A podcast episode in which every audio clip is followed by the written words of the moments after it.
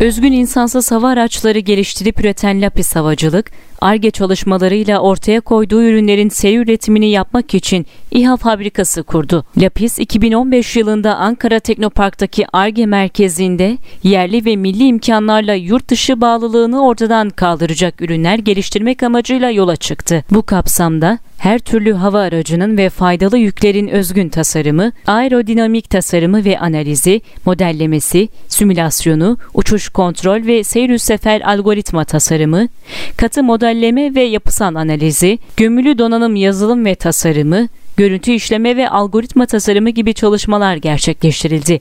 Şirket 5 yılın sonunda Anadolu Organize Sanayi Bölgesi'nde 3500 metrekarelik seri üretim İHA fabrikası yatırımını hayata geçirdi. Sabit, döner ve çoklu rotorlu İHA üretme kapasitesine sahip fabrikada aynı zamanda faydalı yük gimbal sistemleri kullanıma sunuluyor.